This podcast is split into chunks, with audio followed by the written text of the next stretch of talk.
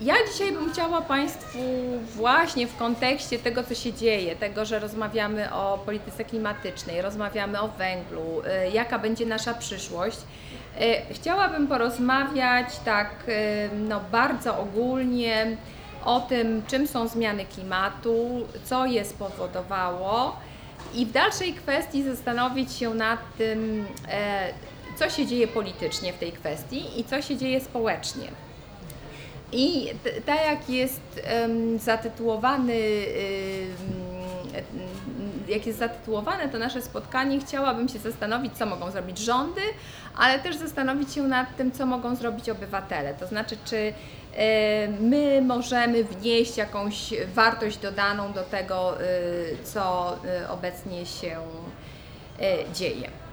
Jeśli chodzi o to, czym są zmiany klimatu, znaczy Zmiany klimatu to jest taki długotrwały proces, który polega na tym, że nasza temperatura globalna rośnie.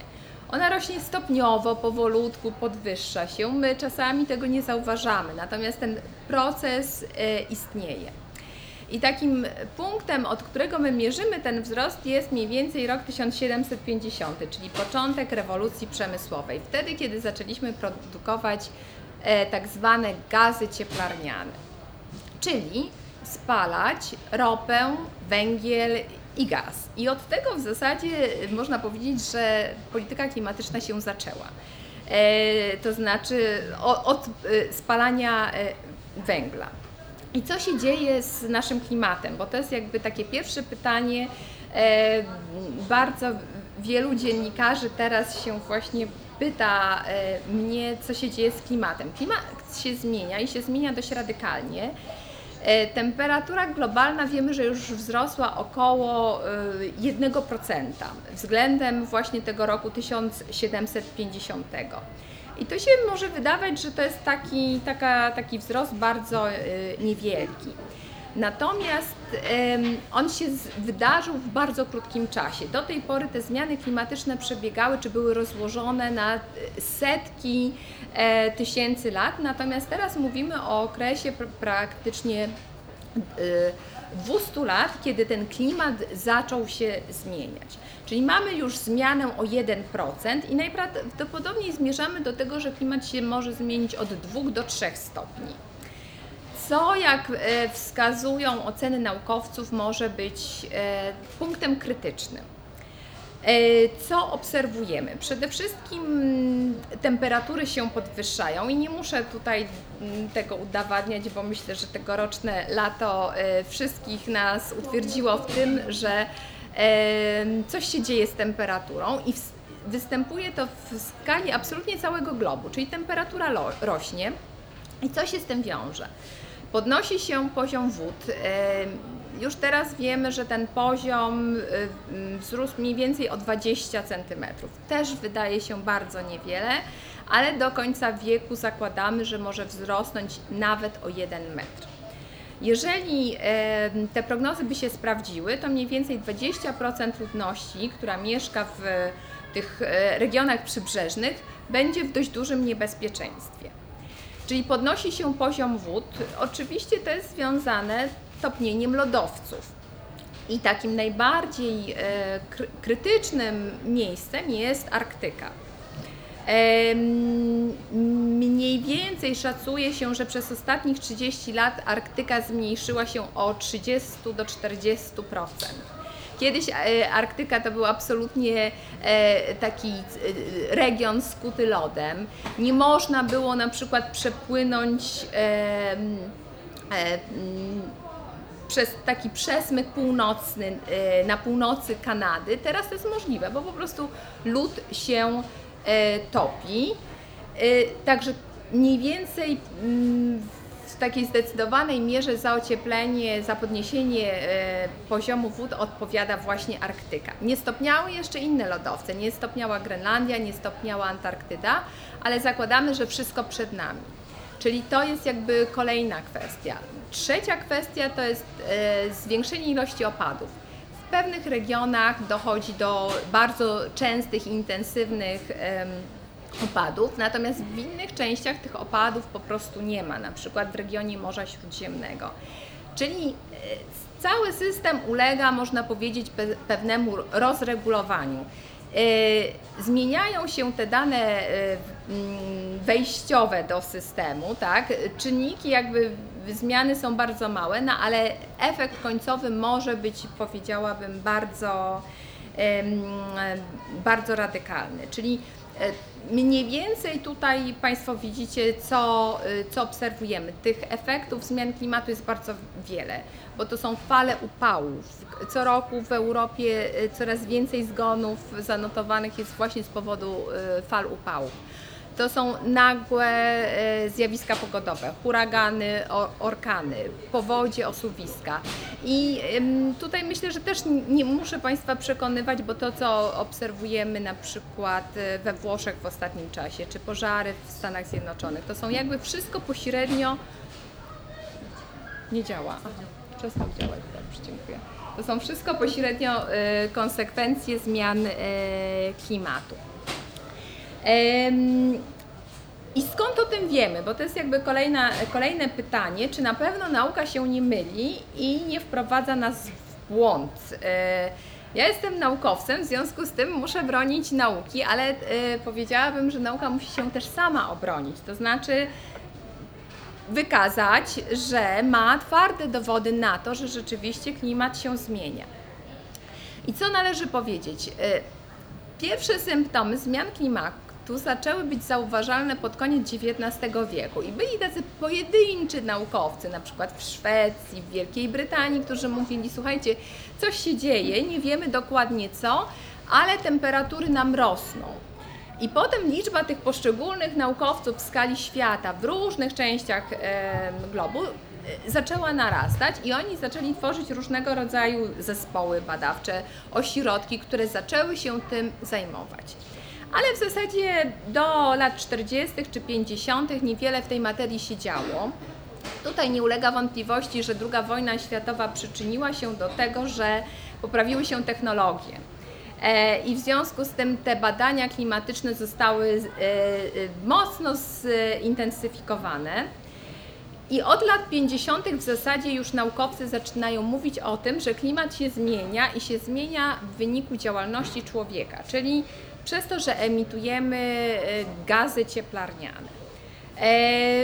Oni wskazali przede wszystkim e, dwutlenek węgla i metan jako te dwa główne gazy cieplarniane odpowiedzialne za, e, za ocieplenie. No i co, e, co naukowcy zaczęli robić? Naukowcy zaczęli docierać do, próbowali dotrzeć do decydentów, co dla naukowców jest bardzo trudne. To znaczy, wszyscy naukowcy borykają się z pewną taką barierą. To znaczy, my mówimy o pewnych rzeczach, ale y, druga strona nas nie chce słuchać. I mniej więcej tak było ze zmianami klimatu. To znaczy, naukowcy mówili. Y, ciekawe jest to, że bardzo wielu amerykańskich naukowców na te, ten temat mówili, ale nikt ich nie słuchał. I w zasadzie mm, wyglądało to w ten sposób, że dopiero w latach 80. Y, naukowcy przebili się ze swoim przesłaniem i rzeczywiście decydenci zaczęli ich słuchać. Powstały wtedy różne raporty, również Organizacji Narodów Zjednoczonych, gdzie pojawia się takie stwierdzenie antropogeniczne zmiany klimatu. To, ten termin brzmi rzeczywiście bardzo groźnie, no ale y, jakby bardzo jednoznacznie wskazuje na to, kto jest odpowiedzialny. Czyli to my jesteśmy odpowiedzialni, nie inne, y, nie inne zjawiska. Y, czyli media zaczęły, znaczy mm, świat nauki zaistniał. I stworzono wtedy w latach 80. międzyrządowy zespół do spraw zmian klimatu. To jest taka, powiedziałabym, olbrzymia sieć naukowców, rekrutowanych na bazie y, rządowej, czyli to rządy poszczególnych państw e, delegują swoich przedstawicieli. To nie jest jakaś taka organizacja, która powstała samoistnie. Nie, to jest organizacja międzyrządowa i ona ma na celu zbieranie tych tysięcy danych z różnych e, projektów naukowych i tworzenie pewnych modeli, raportów, przepowiedni odnośnie tego, co będzie w przyszłości. I ten y, zespół opracował już takich pięć naprawdę dużych e, raportów. Te raporty też polegają na tym, że są tworzone na bazie konsensusu, czyli to nie jest tak, że ktoś może narzucić e, na przykład Rosjanie Amerykanom czy Norwedzy Szwedom jakąś swoją wizję. Mamy jakiś wspólny mianownik i to jest w raporcie, czyli te takie skrajne przepowiednie, powiedzmy, oceny odnośnie tego, co się może zdarzyć, są w ogóle wykluczane.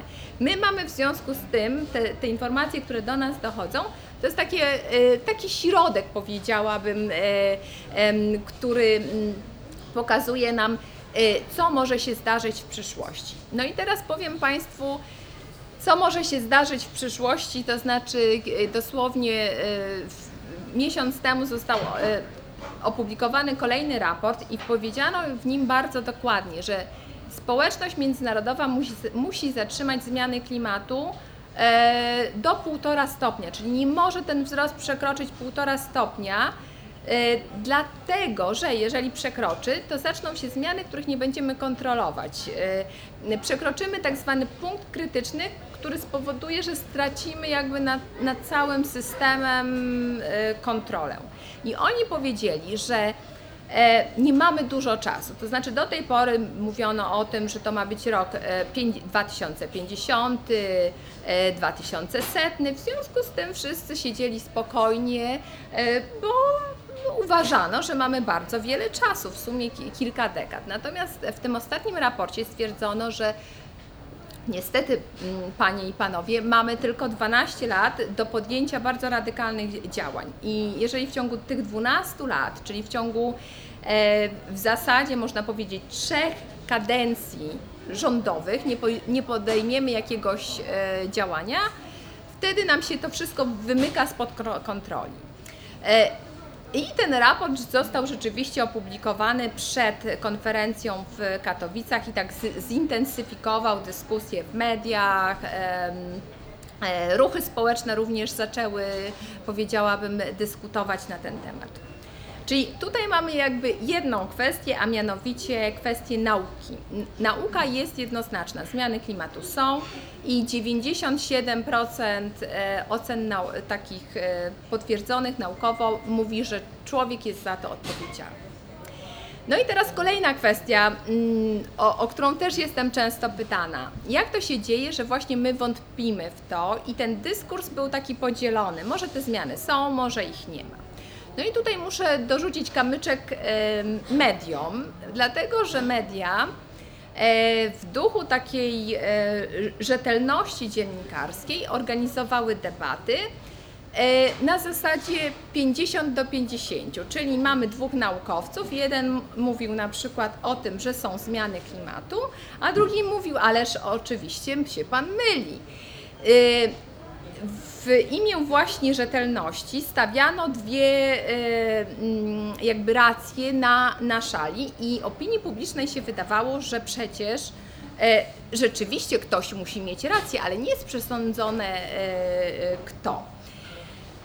I tutaj muszę powiedzieć, że jakby te, ten błąd popełniali nawet bardzo dobrzy wydawcy, jak BBC. E, BBC się przyznało do tego, że wiedziało, że e, oceny naukowe są bardzo jednoznaczne, ale to było nudne.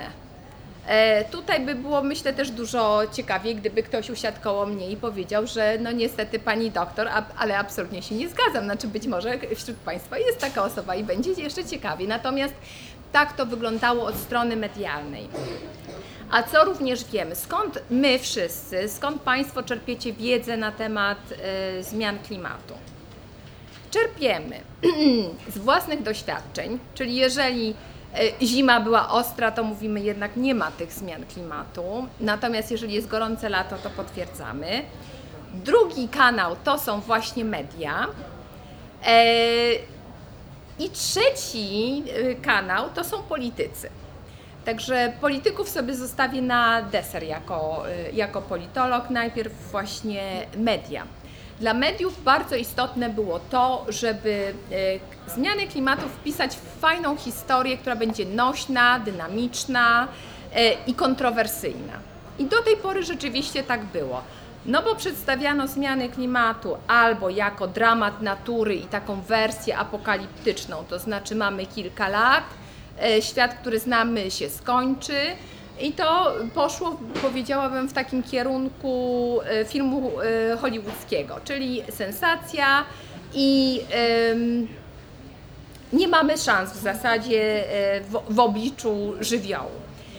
Druga, drugi dyskurs to było właśnie to, że naukowcy się spierają. No to, to, to też było dość ciekawe, no bo y, media również lubią, jeżeli y, jakieś osie konfliktu się pojawiają. No, troszkę nudniejsze y, stało się dla mediów y, takie przekazywanie suchych doniesień naukowych, czyli stan wód się podnosi, temperatura rośnie. To jest, proszę Państwa, nudne. Więc media w związku z tym skupiają się teraz właśnie na dużych wydarzeniach. I takim wydarzeniem jest szczyt klimatyczny w Katowicach.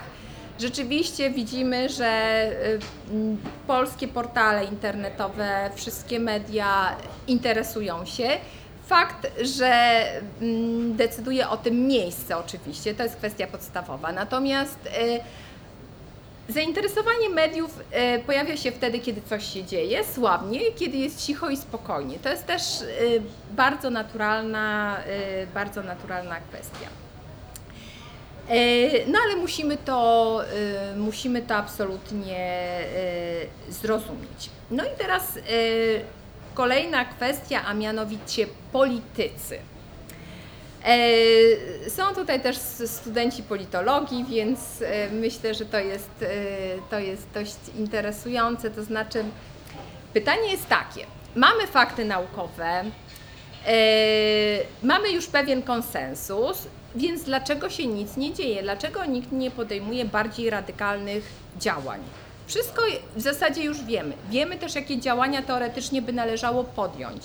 Bo należałoby po prostu mniej emitować gazów e, cieplarnianych, czyli mniej spalać ropy, węgla e, i gazu. Także wiemy wszystko i e, Pytanie badawcze dla mnie też bardzo ciekawe było takie, co my z tym, znaczy co politycy z tym robią, tak? Albo dlaczego nic nie robią. No i tutaj są jakby mm, dwie takie płaszczyzny. E, płaszczyzna deklaracji politycznych, która wygląda bardzo dobrze i płaszczyzna e, rzeczywistości, która wygląda już nieco, e, nieco gorzej. Jeśli chodzi o założenia, czyli to, co powinniśmy zrobić, społeczność międzynarodowa, można powiedzieć, że już no, na początku lat 90. powiedziała, że będzie walczyć ze zmianami klimatu, bo w 92 roku e, podpisano konwencję kon, e, zmian klimatycznych. Tą konwencję podpisało 190 państw i wszyscy, wszyscy powiedzieli jednoznacznie, człowiek odpowiada za zmiany klimatu, będziemy z tym walczyć, zrobimy wszystko, co w naszej mocy. No i mm, należy powiedzieć, że tej energii mniej więcej starczyło na 5 lat, bo już w 1997 roku podpisano protokół z Kioto. I ten protokół powiedział państwom najbogatszym, że muszą e, zredukować swoje emisje, bo to one są odpowiedzialne za emisje do tej pory. Państwa rozwijające się natomiast miały otrzymać pomoc, bo one jeszcze nie weszły na tą ścieżkę rozwojową. No tym momencie, czyli te 20 lat temu, wszyscy się zgodzili e, w tej kwestii, że rzeczywiście jest to optymalne rozwiązanie. Natomiast później zaczęły się, powiedziałabym, kontrowersje, dlatego że bogaci zaczęli się zastanawiać, czy rzeczywiście już teraz oni powinni ponosić te koszty.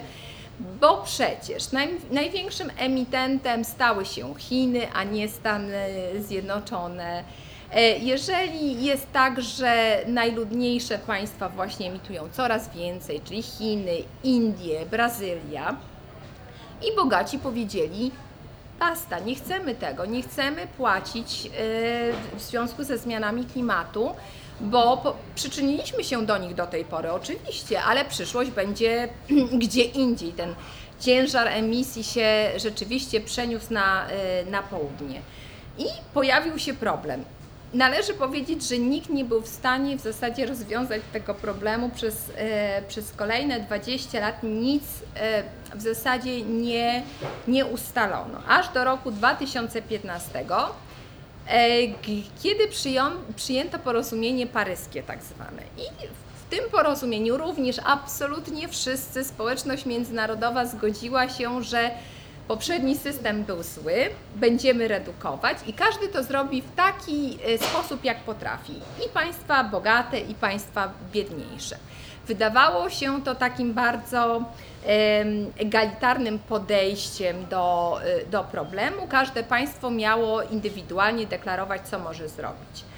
Co się okazało, że wszyscy deklarują, natomiast nikt tego nie realizuje. I teraz jesteśmy właśnie w takim momencie w Katowicach, e, kiedy te postanowienia z Paryża mają być jakby ubrane w jakieś e, narzędzia realizacji, bo do tej pory to była czysta deklaracja polityczna, w zasadzie nic, e, nic poza tym. Moment jest w zasadzie dość trudny dla negocjacji, dlatego że Stany Zjednoczone już wiemy, że się wycofują, bo Donald Trump jest prezydentem, który w zasadzie otwarcie powiedział, że nie wierzy w zmianę klimatu i e, nie będzie ograniczał gospodarki amerykańskiej. Nowy prezydent Brazylii też najprawdopodobniej wycofa Brazylię z tego porozumienia. W związku z tym ten system, znaczy to porozumienie, zanim w zasadzie weszło w życie, zaczęło się rozpadać. I tutaj pojawia się dla mnie takie bardzo ciekawe pytanie, to znaczy co się dzieje, że politycy nie są na tyle właśnie odważni i zdecydowani, jakie mechanizmy y, y, działają. Y, no i muszę powiedzieć, że właśnie w swojej kolejnej książce o zmianach klimatu, która się w piątek ukaże, właśnie ten temat podjęłam.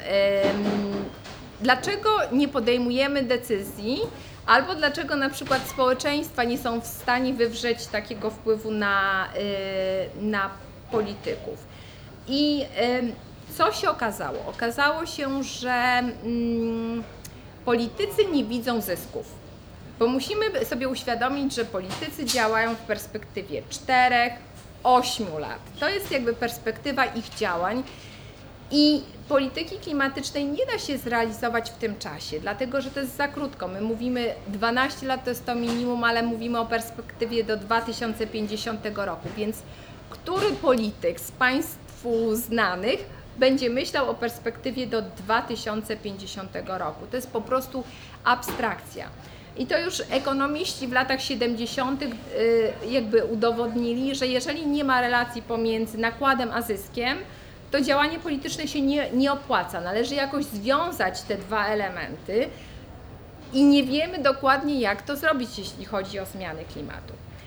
I też trzeba powiedzieć, że jeśli chodzi o polityków, e, ciężar na ich barkach jest ogromny. Dlaczego? Dlatego, że musieliby oni przemodelować absolutnie wszystko, z czym my, jako obywatele, jako konsumenci, mamy do czynienia. Dlatego, że przede wszystkim emitujemy mniej mm, gazów cieplarnianych, czyli musimy y, zmienić systemy energetyczne w większości państw. W przypadku Polski jest to węgiel, ale y, są to również y, inne surowce, tak? Czy to jest łatwo? Oczywiście, że to jest trudne. To wymaga bardzo wielu lat i powoduje też konflikt interesów. To jest oczywiste, że tradycyjne grupy interesów będą temu przeciwne, bo stracą zyski. W związku z tym politycy boją się y, takich decyzji. Y, rezygnacja z emisji w zasadzie oznaczałaby zmianę również y, całej produkcji i oznaczałaby zmianę naszych zachowań, czyli my wszyscy musielibyśmy mniej konsumować, i teraz, czy my chcemy to usłyszeć, że, chcemy, że musimy mniej konsumować? Oczywiście, że nie chcemy, my chcemy mieć wybór. Natomiast e, przy każdym jakby produkcie, e, który kupujemy, musimy mieć tą świadomość, że wiąże się z nim konkretna emisja e, gazów cieplarnianych. Szczególnie to dotyczy tych produktów, które są na przykład importowane z bardzo odległych regionów świata.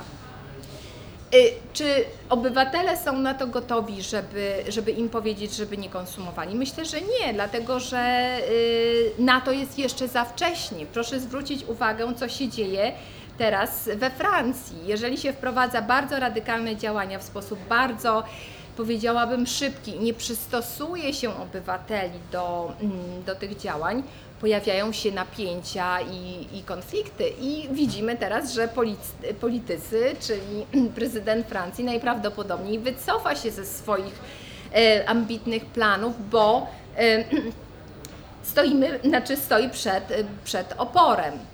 E, Oczywiście można stosować jakieś, e, e, jakieś rozwiązania, ale bez takiej gruntownej zmiany całego modelu e, gospodarki powiedziałabym, że będzie rzeczywiście bardzo, bardzo trudno. Kluczową kwestią jest też nasza świadomość, to znaczy co my wiemy na ten temat, czy właśnie będziemy gotowi do pewnych poświęceń, czy chcemy, czy chcemy jakiejś zmiany. No, generalnie należy powiedzieć, że świadomość ekologiczna e, wzrosła w sposób radykalny. To znaczy, wszystko stało się, nie wiem czy Państwo na to zwróciliście, zielone i zrównoważone. To jest taki stały, e, stały trend. E, powiedziałabym czasami mylny trend, dlatego że wszystkie partie nam już e, mówią o tym, że stały się zielone, że właśnie mają te e, zielone komponenty e, w swoich programach. Natomiast prawda jest też taka, że e, te ruchy, mm, e, znaczy te partie robią to w pewien sposób fasadowy.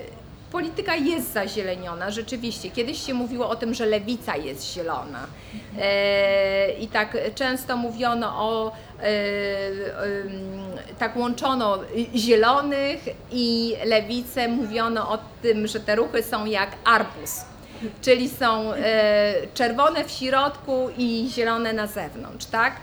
Teraz w zasadzie można powiedzieć, że wszyscy stali się w jakimś stopniu y, y, y, zaziele, zazielenieni i nie można powiedzieć, żadna partia polityczna nie chce mówić, że my absolutnie e, zignorujemy kwestie ekologiczne. To już się stało jakby niemodne, ale z drugiej strony też stało się puste, tak? dlatego że wszyscy używają tego argumentu, natomiast wprowadzenie tego w życie powiedziałabym, że jest o, y, o wiele bardziej y, trudne.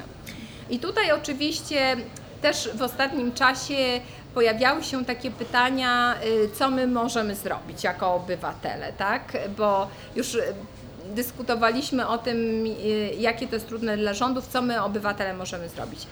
Znaczy, y, i czy takie jednostkowe nasze działania mają sens.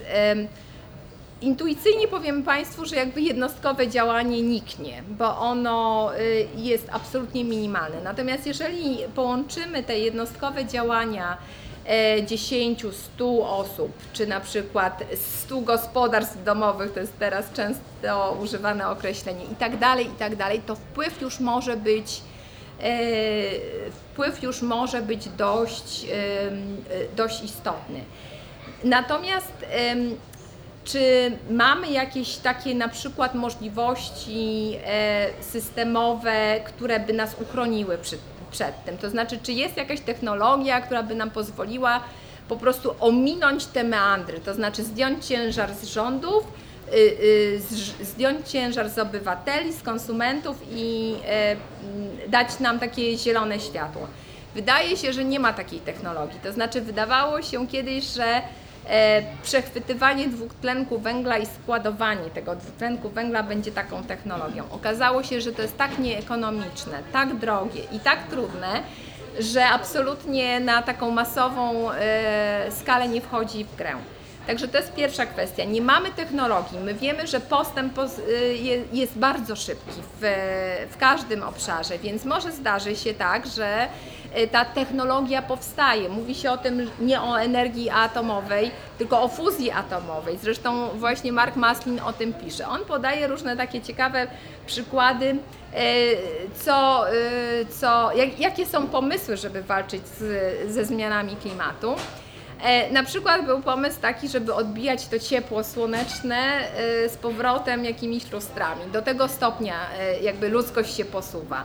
Austriackie lodowce są zakrywane po prostu e, takimi płachtami ogromnymi, żeby, żeby je ochronić. te rozwiązania jakby bez ograniczenia emisji są absolutnie powiedziałabym abstrakcyjne i, e, i niewystarczające. Podstawowa kwestia to jest um, ograniczenie właśnie emisji, ograniczenie konsumpcji. To, co jest też um, powiedziałabym um, bardzo ważne, to połączenie takie polityczno-społeczne, to znaczy nie można podejmować moim zdaniem działań niezależnie od obywateli, bo wtedy kazus francuski myślę, że mógłby się e, pojawić. Te działania muszą być w związku z tym stopniowe, ale bardzo powiedziałabym systematyczne i, e, e, i e, przez to skuteczne. Mnie się generalnie polityka klimatyczna kojarzy troszeczkę z dietą. To znaczy, jeżeli przechodzimy na dietę, to musimy przede wszystkim mieć bardzo silną wolę i mieć przekonanie, że rzeczywiście chcemy to robić. Musimy mieć tą świadomość, że nie powinna być to dieta radykalna. To znaczy, yy, wszyscy wiemy, że diety krótkie, a intensywne są niezdrowe dla organizmu i yy, będą miały negatywne skutki. Także taka dieta również odpada. Natomiast yy, powinniśmy my się przygotować y, i powinniśmy wybrać te środki, które dla nas są najbardziej odpowiednie. I w przypadku państwa, każde państwo też musi nad tym pomyśleć, co dla, y, dla, dla, dla danej społeczności jest najbardziej korzystne. Dlatego, że my nie możemy się porównywać na przykład z, z Francją, która już ma rozwiniętą energię atomową.